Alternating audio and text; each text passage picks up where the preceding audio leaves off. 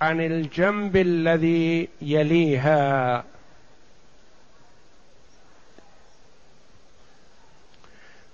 والحكمة من هذا تلمسها العلماء رحمهم الله فقال بعضهم من أجل ألا يكون الاتكاء في السجود على الجبهة والأنف فيأخذ كل عضو حظه من العبادة والاتكاء عليه. يأخذ حظه من العبادة والاتكاء عليه. ومن العلماء من قال إن هذا التفريج يدل على الخضوع والتواضع والاعتماد في السجود على الجبهة والأنف اللذين هما الوجه. خلاف حال بعض الكسالى الذي يضم نفسه ويريح بعض الأعضاء من أن تتحمل مشقة السجود.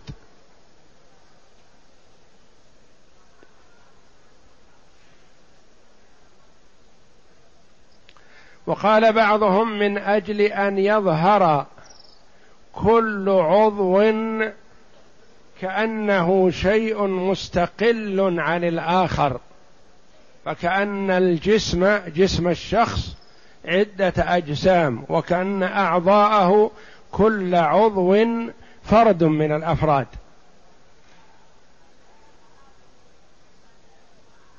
بخلاف الصفوف في الصف فمأمور بها التراص والتقارب للإشعار بقرب قلوب المصلين بعضهم من بعض. وقرب بعضهم من بعض وتآلفهم. قالوا فالجسم الواحد يكون كأنه أكثر من واحد.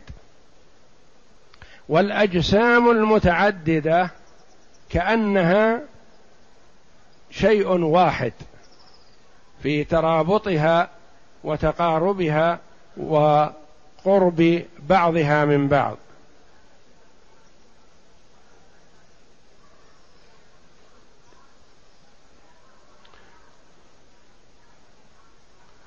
فهذا الحديث دل على هذه الصفة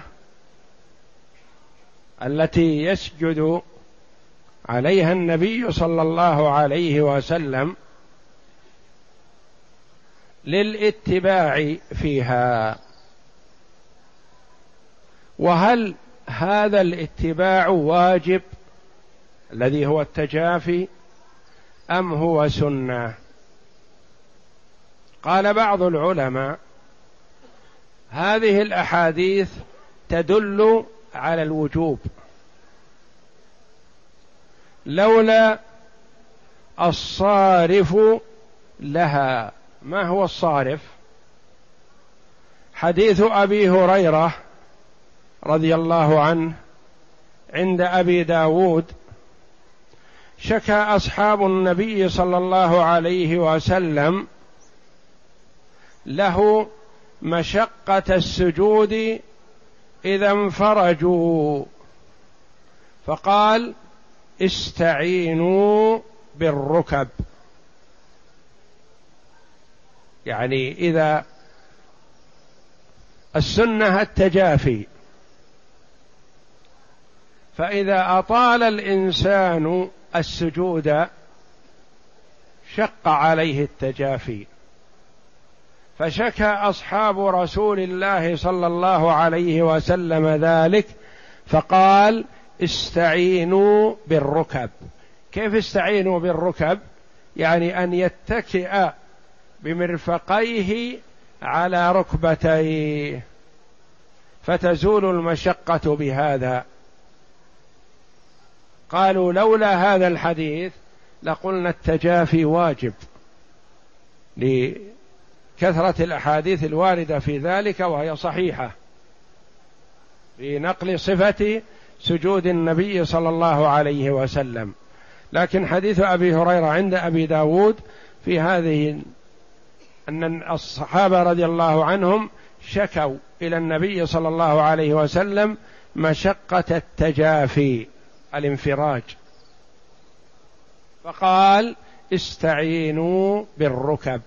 يعني اتكئوا بالمرفقين على الركبتين فيعين المرء في تحمل مشقة السجود. لأنه إذا تجافى وطال وأطال السجود ربما سقط وما استطاع أن يتحمل ذلك. فأرشدهم النبي صلى الله عليه وسلم إلى الاستعانة بالاتكاء بالمرفقين على الركبتين.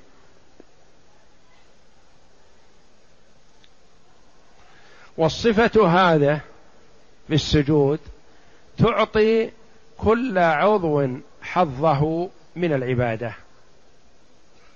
لأنه إذا انضم واجتمع بعض الأعضاء لا تأخذ نصيبها. من السجود تكون متكئة. لكن إذا انفرج الإنسان ونحى بعضه عن بعض اليدان تتحمل والجبهة والأنف يتحمل والركبتان تتحمل وأطراف القدمين تتحمل وجسم الإنسان الذي هو وسطه وظهره وعضديه كل شيء منه يتحمل السجود فيأخذ نصيبه في التلذذ بالعبادة والتذلل بين يدي الله جل وعلا.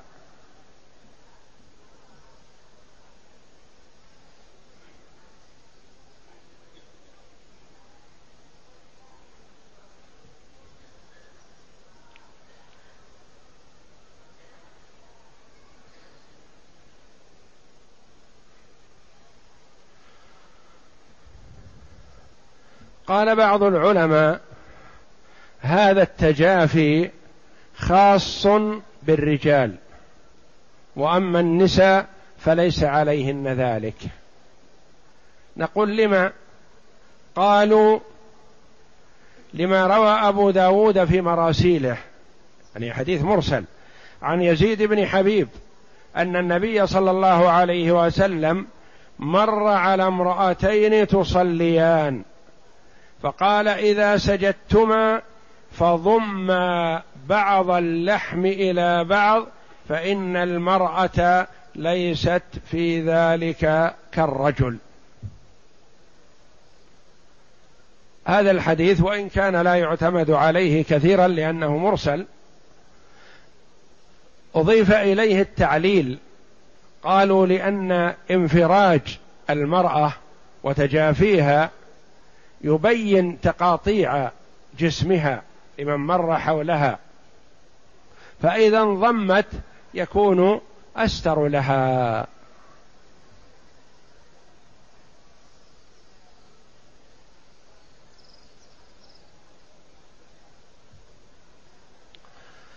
الحديث التسعون. عن أبي مسلمة سعيد بن يزيد قال سألت أنس بن مالك رضي الله عنه أكان النبي صلى الله عليه وسلم يصلي في نعليه؟ قال نعم.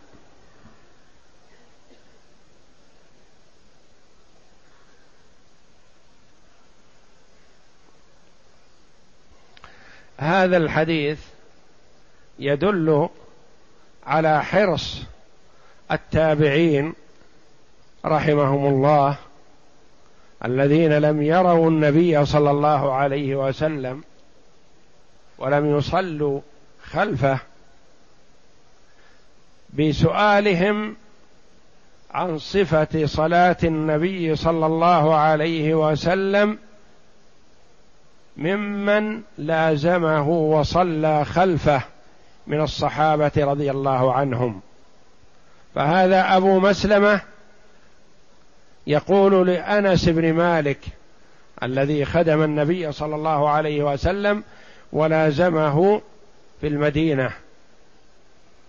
أكان النبي صلى الله عليه وسلم يصلي في نعليه لماذا يسأل هذا السؤال ليقتدي بالنبي صلى الله عليه وسلم؟ قال نعم. فأفاده أنس رضي الله عنه بقوله نعم. فهذا الحديث قال بعض العلماء فيه استحباب الصلاة في النعلين وأنه يلزم قبل ذلك أن يتفقدهما لأنهما مظنة النجاسة. لقربهما من الأرض والمشي عليهما في أماكن قد تكون نجسة فتؤثر عليهما. بعضهم قال لا يدل هذا على الاستحباب وإنما يدل على الجواز. والاستحباب شيء والجواز شيء آخر. هذا ليس من كمال الصلاة أن يصلي المرء في نعليه وليس من كمال الزينة أن يصلي في نعليه حتى نقول إنه مأخوذ من قوله تعالى خذوا زينتكم عند كل مسجد فلذا قال بعض العلماء هذا يدل على الجواز. الذين قالوا يدل على الاستحباب قالوا لا يدل على الاستحباب. بل عندنا حديث آخر في قوله صلى الله عليه وسلم خالفوا اليهود فإنهم لا يصلون في نعالهم ولا خفافهم. رواه أبو داود والحاكم من حديث شداد بن أوس مرفوعا. فيؤخذ تؤخذ السنية من هذا الحديث لا من الحديث الذي معنا. الحديث الذي معنا دل على أنه يصلي بالنعلين عليه الصلاة والسلام. لكن ما دل على الاستحباب ولا التأكد وإنما دل على أنه كان يصلي فيفهم من هذا جواز ذلك. لكن حديث المخالفة هذا يؤخذ منه الاستحباب في أن مأمورون بأن نخالف اليهود في جميع أمورهم.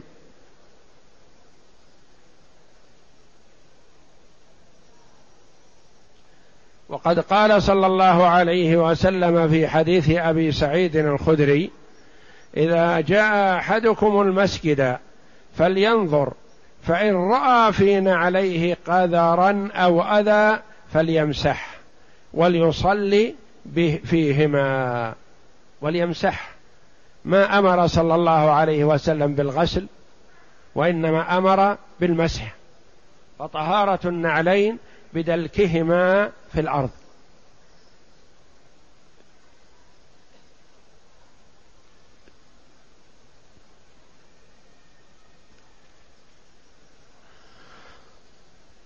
وقد قال ابن دقيق العيد رحمه الله إن هذا الفعل من الرخص. فليس من المستحبات وإنما هو من الرخص يعني التي تدل على الإباحة. فإذا كان المرء مثلا في مكان حار أو نحوه أو يجد راحه في الصلاة في النعلين فليصلي بهما. وإذا كان غير محتاج إلى ذلك فليس الصلاة بهما من تمام الصلاة إلا إن إذا قلنا بهذا الحديث الذي هو الأمر بمخالفه اليهود في صلاتهم في نعالهم فنأخذ الاستحباب من هذا. بقي علينا أن نعرف أن مثل هذه السنن مثل هذه السنن التي ليست هي من تمام الصلاة ولا من المؤكدات في الدين الإسلامي وإنما هي أعلى ما تكون تصل إلى درجة المستحب. فالمستحب إذا ترتب عليه مفسدة أكثر فتركه أولى. والناس انقسموا في هذه هذه الطريقة أو هذه الصفة أو هذه الفعلة المستحبة أو المباحة إلى ثلاثة أقسام طرفان ووسط. طرفان ووسط. فطرف يتمسك بهذا تمسكا شديدا ولربما كانت حذاه ممتلئة بالأوساخ فيدخل بها المسجد ويصلي بها. رغبة منه في السنة لكن يترتب على هذا مفسدة عظيمة تلويث المسجد بنعليه وربما يكون فيها نجاسة. وآخرون طرف آخر يشددون في هذا تشديدا عظيما. لو دخل المسجد بنا عليه ومشى بهما بنا عليه اعتبر كأنه اقترف كثيرا من كبائر الذنوب. وهذا خطأ. والأول خطأ. وإنما الوسط هو المطلوب. إذا صليت في صحراء في أرض غير مفروشة فصل بين عليك. تفقدهما وصل بهما. وإذا كانت الصلاة في مكان مفروش أو كانت النعلان رطبتان بالمياه فالصلاة بهما تلوث ملابسك وتلوث المكان الذي تصلي فيه فاترك ذلك. ولا تشدد لا في هذا ولا في هذا. وإنما ينظر للمصلحة. أحيانا تكون المصلحة بالصلاة بالنعلين ولا إشكال لأنك تصلي في صحراء. ولا أحد يعترضك في هذا وحذاك نظيفة فصل بهما. وأحيانا تصلي في مكان مفروش أو معتنى به في النظافة فصلاتك بنعليك تلوث.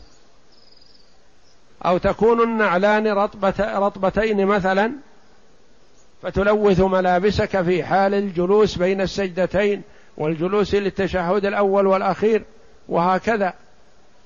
فترك هذا أولى. أو إذا خشي منهما تلويث المسجد. أو خشي أن يقتدي به بهذا من لا يتفقد عليه. قد يكون المرء عنده من المعرفة والبصيرة ما يجعله يتفقد عليه عند الدخول فيدخل بهما وهما نظيفتان لكن ينظر إليه آخر لا يبالي فيقول هذا دخل بنا علي فأنا أدخل بنا علي. هذا صلى بنا علي فأنا أصلي وربما تكون نعلاه ملوثتان. فالأحسن في مثل هذه الأمور النظر للمصلحة ودرء المفسدة. وقال العلماء رحمهم الله درء المفاسد مقدم على جلب المصالح. قد تتفقدن عليك وتكون نظيفتان فتدخل بهما لكن ينكر عليك كثير من الناس. بدل من أن تتعرض للإنكار اخلعهما واسترح. وهكذا فمثل هذه الأمور ينظر فيها للمصلحة التي لا إشكال فيها ولا مفسدة تترتب عليها.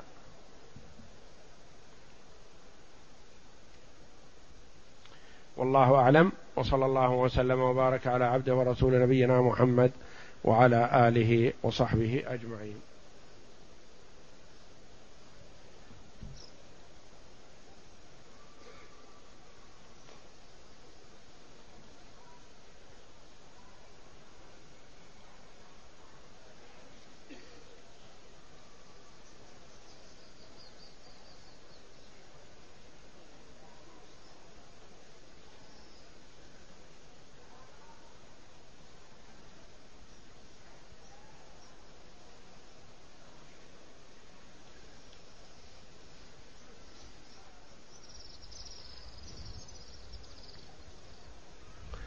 يقول الأخ هل تجوز جلسة الاستراحة للمأموم ولو لم يجلسها الإمام؟ الظاهر والله أعلم أنه لا يسوغ له ذلك لأنه مأمور بالمتابعة. فالمأموم مأمور بمتابعة الإمام فلا يجلس والإمام قائم.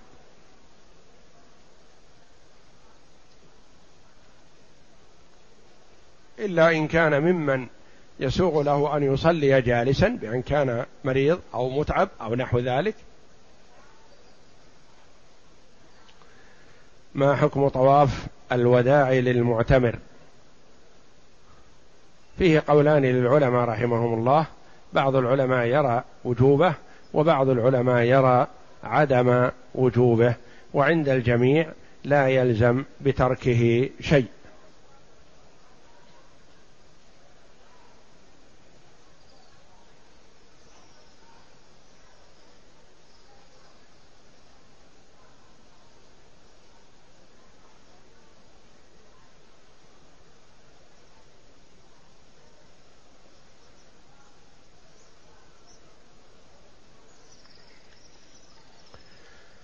شخص مسافر صلى مع جماعة ودخل معهم والإمام في الركعة الثالثة ولا يدري هذا المسافر هل الجماعة هذه تصلي قصرا أو تتم الصلاة فماذا عليه؟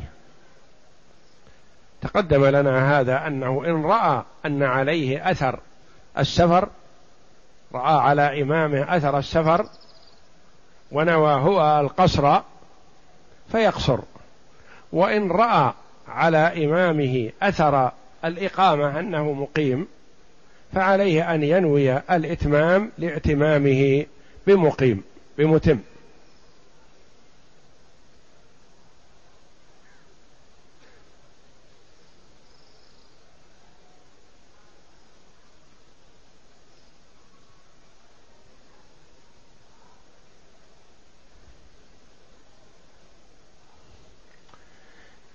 يقول ذكر الله بعد صلاة الصبح حتى طلوع الشمس وبعدها مباشرة أصلي ركعتين. هل هي سنة أم بدعة؟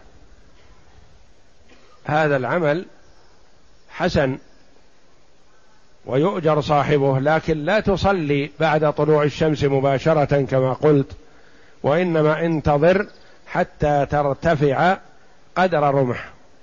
يعني بعد طلوع الشمس قرابة عشر دقائق أو ربع ساعة.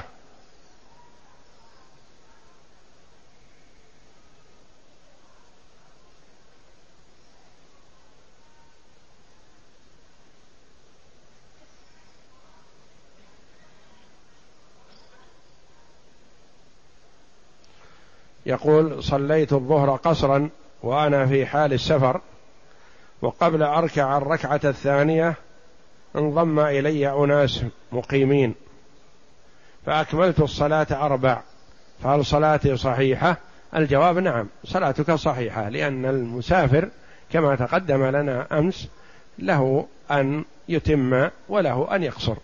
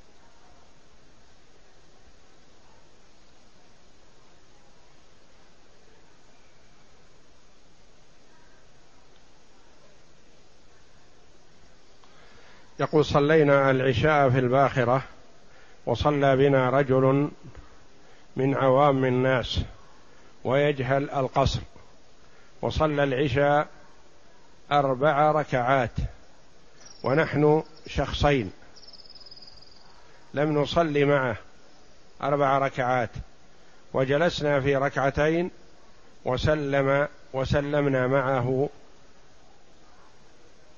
في الأربع الركعات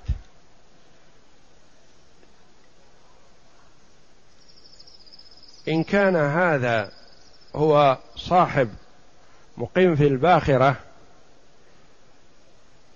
فهذا كما قرر العلماء بأن المقيم في الباخرة هو الذي معه أهله ومتاعه وسفر وهو دائما فيها فهذا لا يسوغ له القصر بل يلزمه الإتمام. والمأموم إذا أتم بمن يلزمه الإتمام لزمه أن يتم معه فلا ينفرد عنه. فالأولى لكم أنكم أتممتم معه حيث أتم حتى وإن كان مسافر فصلاة الإتمام صحيحة من المسافر.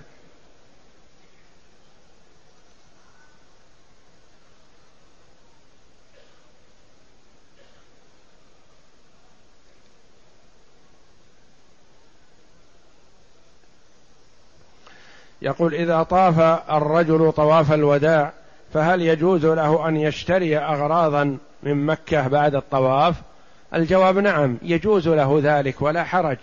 لكن بعض العلماء رحمهم الله قالوا لا يشتري أشياء للتجارة وأما لحاجته وحاجة أهله فلا بأس بذلك. وإذا طاف للوداع هل يجوز له أن يعود إلى الحرم مرة أخرى؟ الجواب نعم يجوز له. إذا طاف للوداع وخرج على نية أنه بيسافر فلم تجتمع رفقته فحضر وقت صلاة من الصلوات فعاد إلى الحرم ليصلي فيكفيه طوافه الوداع الأول.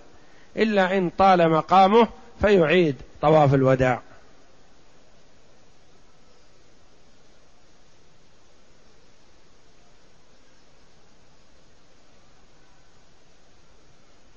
ما حكم سلس البول. إذا كان المرء مصاب بمرض سلس البول فإنه يجب عليه أن يتطهر ويغسل أثر النجاسة ويتوضأ بعد دخول الوقت. ولا يتوضأ للصلاة قبل دخول الوقت بل يتوضأ لها بعد دخول الوقت. ثم يصلي بهذا الوضوء الفرض والنوافل.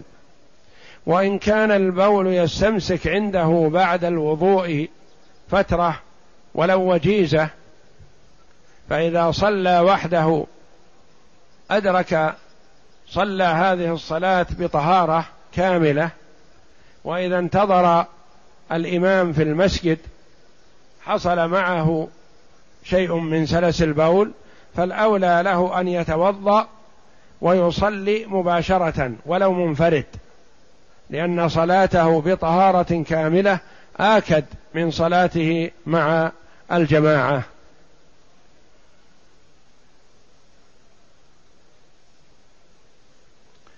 وإذا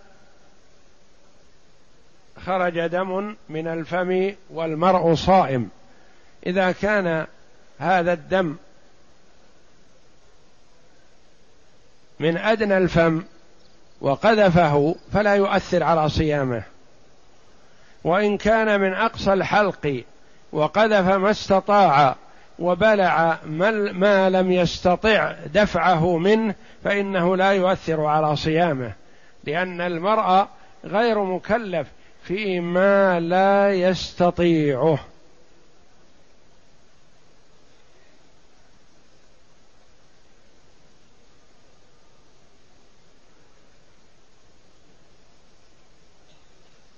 يقول عندي سيارة حافلة لنقل الركاب يشتغل عليها قريبي بنسبة الثلث بعد خصم مصاريف الديزل.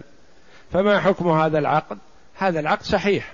إذا تراضيتم عليه واتفقتم على الثلث أو أكثر أو أقل فلا حرج في هذا.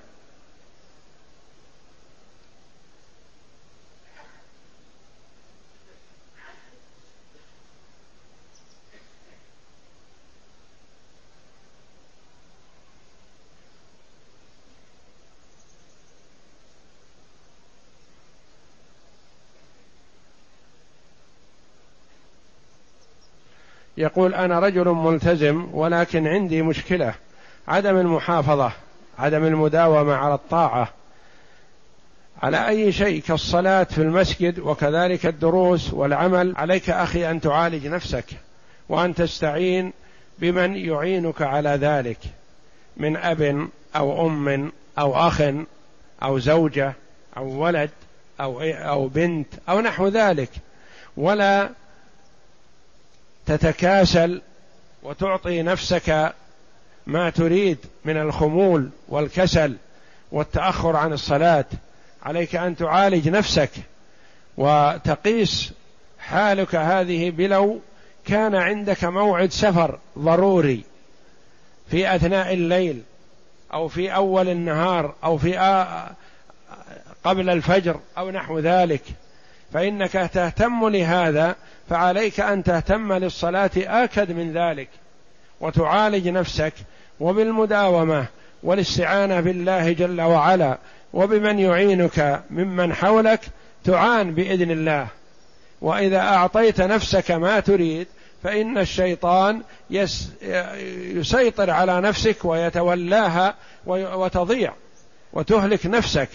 وتعلل لنفسك بأنك لا تستطيع إلا هذا وأنت تستطيع أحسن من هذا لكن من تلاعب الشيطان بالعبد يقول له هذه قدرتك وهذه استطاعتك.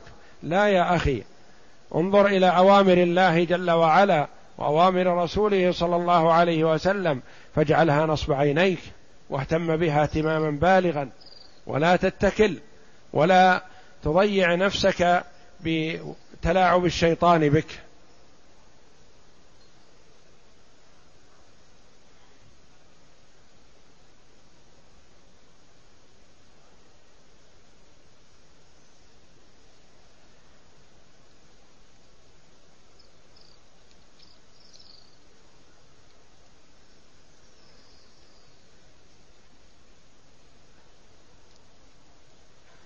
يسأل عن نصاب الذهب والفضة.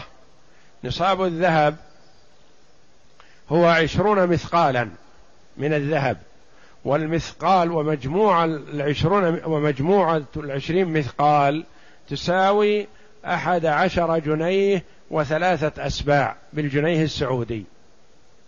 أحد عشر جنيه وثلاثة أسباع الجنيه يعني أقل من النصف. هذا نصاب. والنصاب في الفضة مئة درهم بالدرهم الإسلامي وهي تعادل ستة وخمسين ريال سعودي بريالات الفضة. هو النصاب بالفضة. فتنظر قيمة ستة وخمسين ريال سعودي بالفضة كم تساوي بالورق؟ فهذا هو النصاب.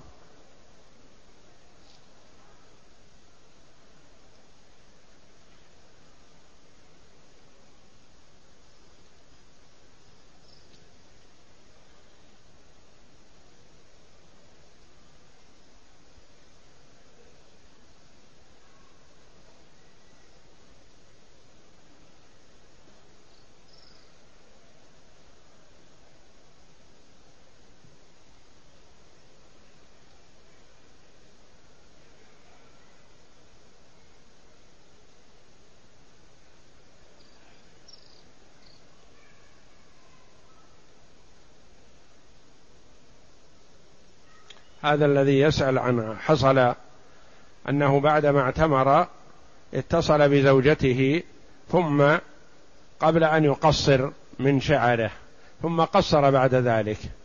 ما دام أنه حصل بينهما الجماع فعليه الكفارة. كفارة ذلك ترك الهدي ترك التقصير وكفارة ذلك فدية ذلك هي شاة تذبح في مكة لفقراء الحرم فإن لم يستطع الشاة آه، صام عشرة أيام.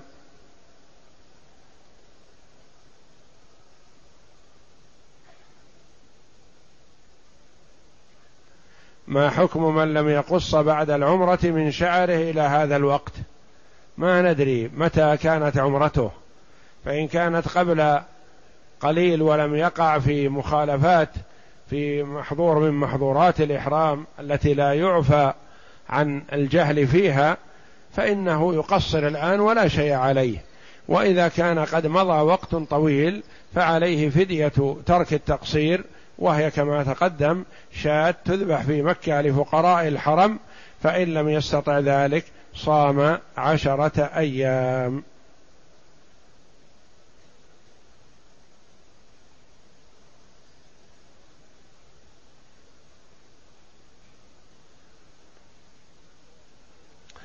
ما هو القول الصحيح في من تذكر صلاة سفر في سفر آخر؟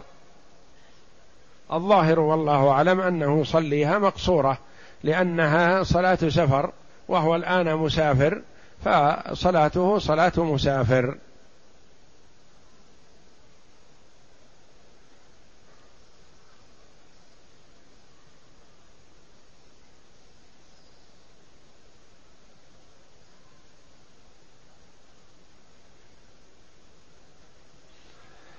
هل صحيح أن الفريضة لا تصلى في الحجر حيث أنه من الكعبة؟ نعم. الصلاة الفريضة لا تصلى في الحجر ولا تصلى في داخل الكعبة لأن مطلوب من المصلي صلاة النافلة الفريضة أن يستقبل الكعبة كلها. فإذا صلى في الحجر أو صلى في الكعبة صار جزء من الكعبة خلفه. وأما صلاة النافلة فتصلى في الكعبة وفي الحجر لأنه ثبت أن النبي صلى الله عليه وسلم صلى داخل الكعبة.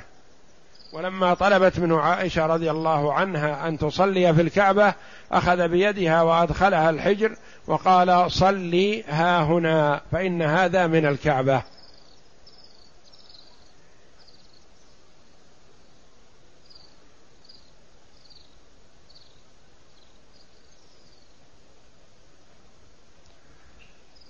هل السفر من مكة إلى منطقة الهدى بالطائف يعتبر سفرا؟ الجواب نعم يعتبر سفر وبعض العلماء رحمهم الله يقيده بثمانين كيلو فإذا كان أقل من ذلك قالوا فالأحوط له ألا يعتبر ذلك سفرا فلا يقصر ولا يجمع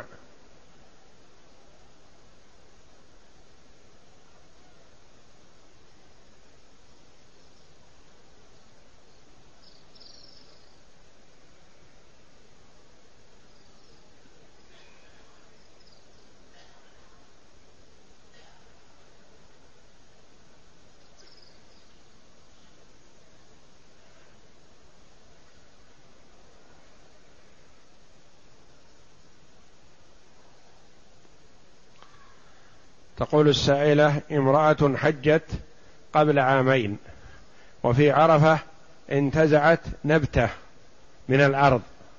لا حرج عليها في هذا لأن عرفة خارج الحرم. آه، الحرم مزدلفة ومنى هذه من الحرم فلا يؤخذ من حشيشها ولا من شجرها. وأما عرفة فهي خارج الحرم.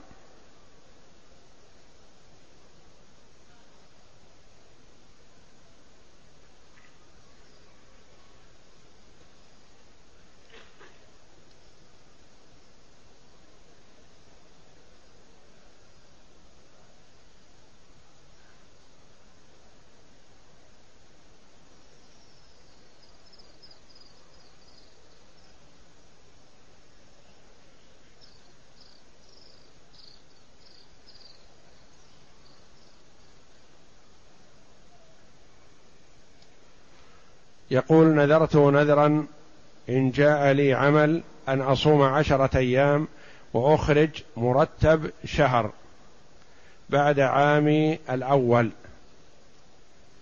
ولم أستطع إخراج المرتب دفعة واحدة وإنما أخرجته مجزأ. لعله لا حرج عليك لأنه لا مصلحة في إخراجه كامل. ما دمت أخرجت ما نذرت الذي هو مرتب شهر فلعله لا بأس عليك إن شاء الله.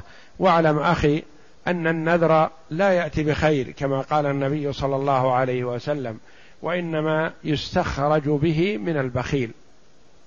فالأحسن للإنسان بدل ما ينذر يقول إن شفى الله مريضي تصدقت بكذا أو إن حصلت عمل تصدقت بكذا أو صمت كذا أو نحو ذلك الأولى له أن يتصدق إن كان عنده شيء أو يصوم أو يتقرب إلى الله بالطاعة ويسأل الله ما أحب. ولا يتشارط مع ربه إن فعلت لي يا ربي كذا فعلت أنا كذا. هذا لا ينبغي. فإذا فعل ونذر وحق وحصل له ما نذر من أجله وجب عليه أن يفي بالنذر. فلا يجوز له أن يقول إن النذر لا يأتي بخير وأنا أترك المنذور. لا. ما دم نذرت. إن شفى الله مريضك أن تفعل كذا وشفى الله المريض فيجب عليك أن تفعل.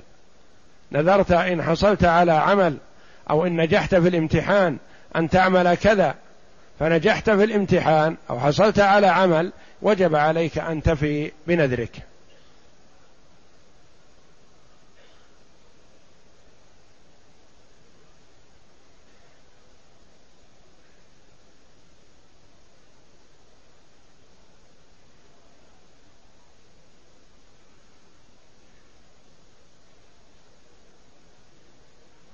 يقول هناك مسجد بني ثم دفن في اخره الرجل الذي بنى المسجد.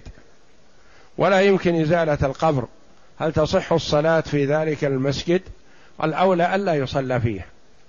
لأنه خاصة إذا كان المدفون فيه صاحبه الذي بناه كأنه مقصود عند بنائه أن يكون محل قبره فيه.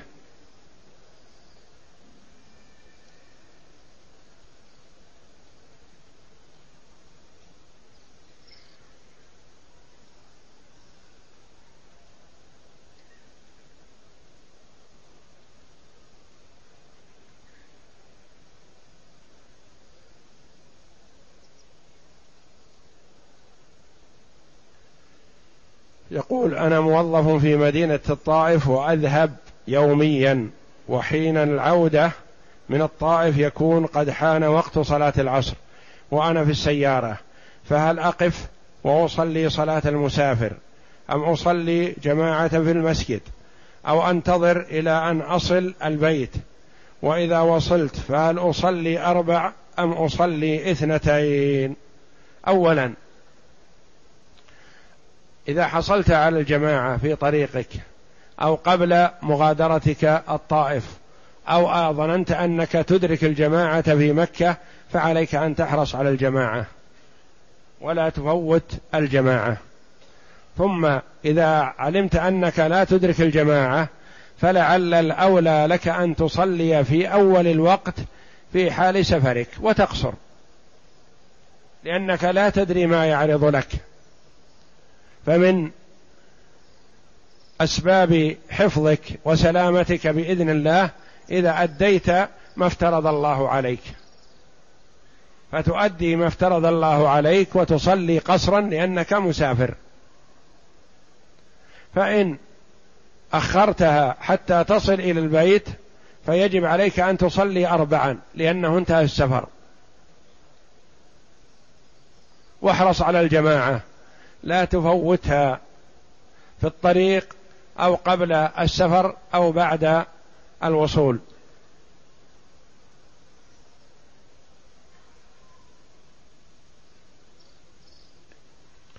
هل وضع الرجلين بعضها فوق بعض في السجود؟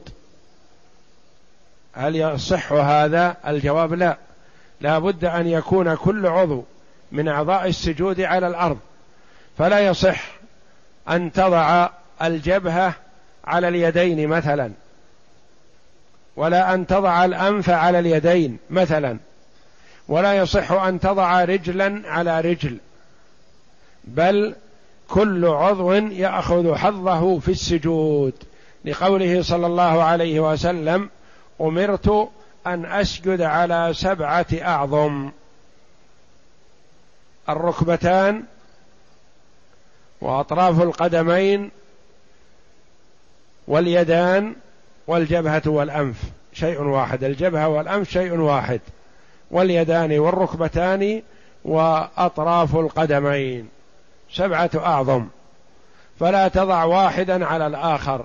أما إذا كان واحد منها مرتفع وما اتكأ عليه متكئ على الأرض فلا بأس. كمثلا الحذاء النعلين أو الخفين القدمان في الخفين والقدمان لا تصل إلى الأرض وإنما أطراف الخفين على الأرض يكفي هذا.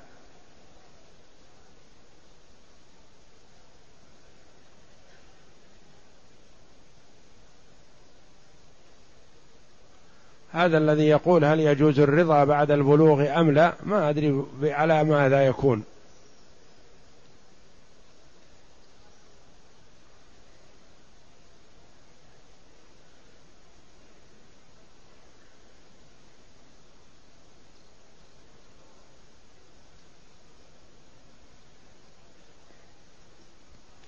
هذه المرأة التي ليس معها محرم وتريد السفر إلى المدينة للصلاة في مسجد النبي صلى الله عليه وسلم. وأقول الأولى لها أن تصلي في المسجد الحرام ما دامت أنها في مكة الآن ومكة بلا شك أفضل من المدينة. والصلاة في المسجد الحرام بمائة ألف صلاة والصلاة في المسجد النبوي بألف صلاة فيما سواه إلا المسجد الحرام. وسفرها سيكون سفر بلا محرم فيترتب عليه مفسدة. فسفرها بلا محرم مفسدة. وصلاتها في المسجد النبوي بألف صلاة. وصلاتها في المسجد الحرام لا يترتب عليها سفر بدون محرم وتكون بمائة ألف صلاة. فالأولى لها أن تصلي في المسجد الحرام ولا تسافر بدون محرم.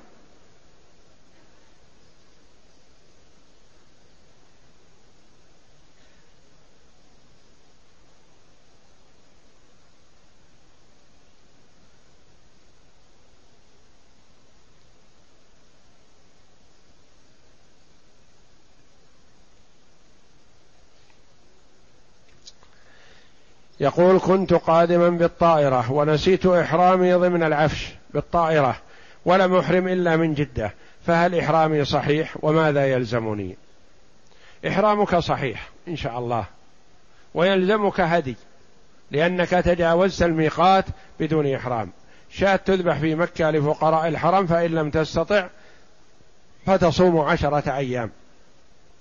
وكان الأولى بك إذا لم يتيسر لك الإحرام أن تحرم بالسروال. ويكفيك هذا. إذا تعقد نية الإحرام وتتجرد من المخيط الزائد وتلبس السروال وتجعل الغترة أو الشماغ أو العمامة بمثابة الرداء فوق. ولو لم يكن عليك رداء فلا حرج عليك. فإذا وصلت إلى المطار واستلمت أمتعتك بإمكانك أن تلبس الإزار والرداء الإحرام ملابس الإحرام وتخلع السروال. فهذا هو الأولى بمن لم يكن له معه ملابس إحرام أن يحرم بما معه وليس عليه شيء. لأن النبي صلى الله عليه وسلم قال من لم يجد الإزار فليحرم بالسراويلات.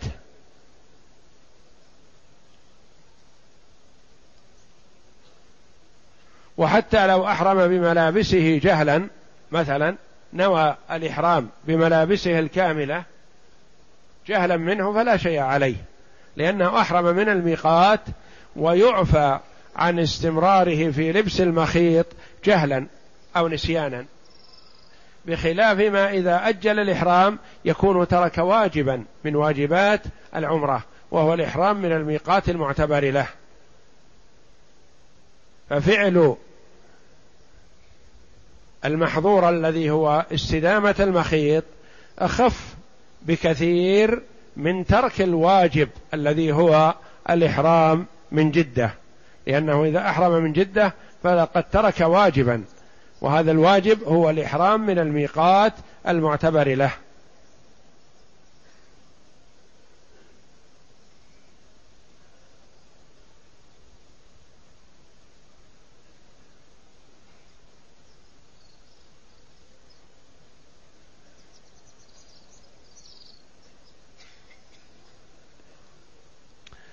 يقول أنا رجل مريض وفي بعض الأوقات أجد نفسي متعبا فأضرب إبرة بنسلين وأنا صائم.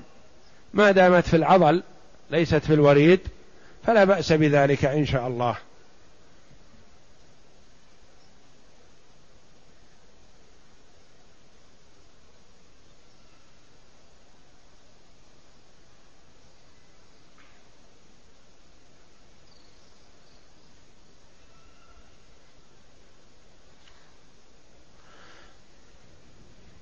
في قريتي أناس يسبون الدين وتارك للصلاة ويشرب الخمر وغير ذلك. كيف الجلوس مع هؤلاء؟ لا يا أخي لا تجلس مع هؤلاء جلسة استصحاب ومودة وإنما ادعهم إلى الله ورغبهم في الخير وحذرهم من الشر ولا تستأنس بهم ولا تجلس معهم. وادعهم إلى الله وكرر الدعاء. لا تيأس.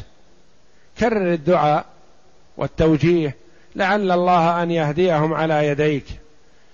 وكما قال النبي صلى الله عليه وسلم لعلي بن أبي طالب رضي الله عنه فوالله لأن يهدي الله بك رجلا واحدا خير لك من حمر النعم. فإذا هداهم الله على يدك واستقاموا فلك مثل أجورهم من غير أن ينقص من أجورهم شيء. فاحرص على هذا ولا تستأنس بهم ولا تألفهم بكثرة المجالسة. احذرهم لا يصرفوك عن دينك.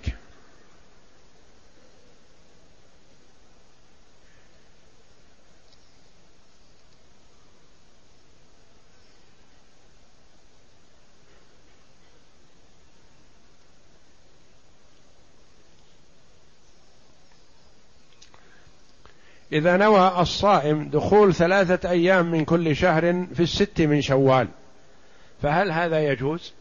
نعم إذا كان من عادته أن يصوم ثلاثة أيام من كل شهر مثلا فصام الستة الأيام من شوال فهي مشتملة على ثلاثة الأيام وعلى ستة الأيام من شوال فيرجى له ذلك إن شاء الله